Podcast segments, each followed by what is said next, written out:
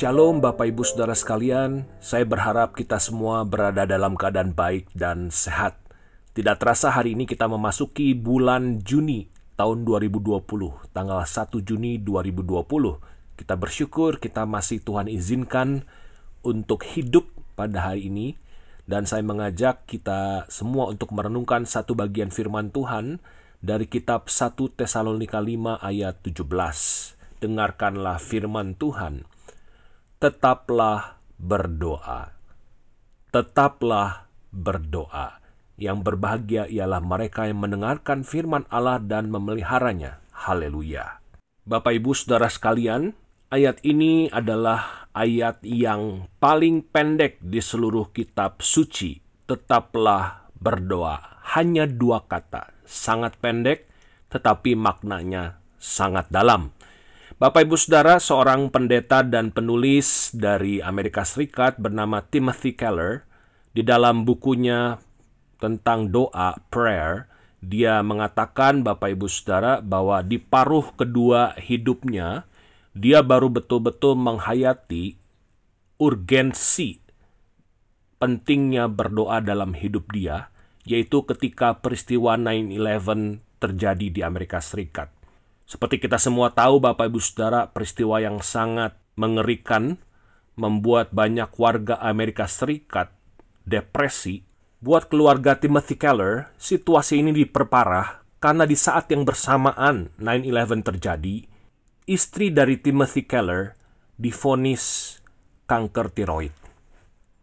Bayangkan Bapak Ibu Saudara di dalam situasi yang tak menentu seperti itu, dihantui oleh rasa takut, dan banyak orang menjadi depresi. Lalu istri dari Timothy Keller difonis kanker tiroid. Timothy Keller mengisahkan istrinya pada waktu itu mengajak Timothy untuk berdoa setiap malam. Setiap malam berdoa bersama dia. Timothy mengatakan itu sesuatu yang di sepanjang hidupnya belum pernah dia lakukan tanpa bolong-bolong. Tetapi pada waktu itu di dalam konteks pada waktu itu, istrinya mengajak untuk berdoa setiap malam dan istrinya mengatakan kepada Timothy seperti kurang lebih seperti ini. Dia bilang, "Coba bayangkan kamu ini lagi sakit dan dokter bilang kamu ini kalau mau sembuh harus minum obat ini setiap malam. Kalau kamu nggak minum obat ini, kamu pasti mati dalam waktu beberapa jam setiap malam kamu harus minum obat ini. Nah, kira-kira kalau kita sakit dengan situasi seperti ini, akankah kita lupa untuk meminum obat itu? Rasanya enggak ya Bapak Ibu Saudara. Kalau kita difonis, kita dibilang, kalau kamu nggak minum obat ini, kamu pasti mati. Setiap malam sebelum tidur, kamu harus minum obat ini. Pasti kita nggak akan lupa. Karena kalau kita lupa, celaka, kita pasti mati. Nah, Bapak Ibu Saudara, Timothy Keller mengisahkan urgensi doa itu seperti ini. Dan saya pikir ini yang dibicarakan juga di 1 Tesalonika 5 ayat 17. Tetaplah berdoa. Coba kita bayangkan Bapak Ibu Saudara bahwa doa itu seperti kita lagi punya dalam tanda kutip penyakit dan obatnya itu adalah doa. Kalau kita enggak minum obat ini, maka kita akan mati. Nah, Bapak Ibu Saudara, di dalam situasi yang kita hadapi saat ini, hari ini masuk 1 Juni 2020, meskipun ada wacana untuk masuk ke dalam era new normal, tetapi banyak para ahli mengatakan seluruh daerah Indonesia belum memenuhi tiga syarat untuk masuk new normal ini. Apa yang bisa kita lakukan Bapak Ibu Saudara di tengah-tengah situasi seperti ini, di tengah-tengah ketidakberdayaan kita? Tentu kita perlu terus menjaga kesehatan kita semampu kita, terus berusaha produktif di mana pun kita berada. Kalau kita mesti harus terus di rumah, kita terus berusaha untuk menggunakan setiap waktu secara bijaksana.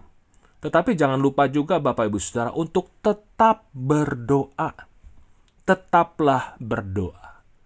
Berdoa bukan hanya memohon supaya semua pandemi ini segera berakhir, supaya Tuhan segera memulihkan semua kondisi ini. Tetapi juga tetaplah berdoa, bersyukur atas setiap hal baik yang masih Tuhan izinkan untuk kita nikmati saat ini, meskipun kita tidak layak menerima hal-hal baik dari Tuhan. Tetaplah berdoa, mengaku segala dosa kita, kalau mungkin ada hal-hal baik yang sebetulnya kita bisa lakukan, tetapi kita tidak lakukan, atau ada hal-hal yang kita lakukan yang menyakiti hati Tuhan, menyakiti orang lain, kelalaian kita di dalam mengasihi sesama kita, kita aku itu ke kepada Tuhan.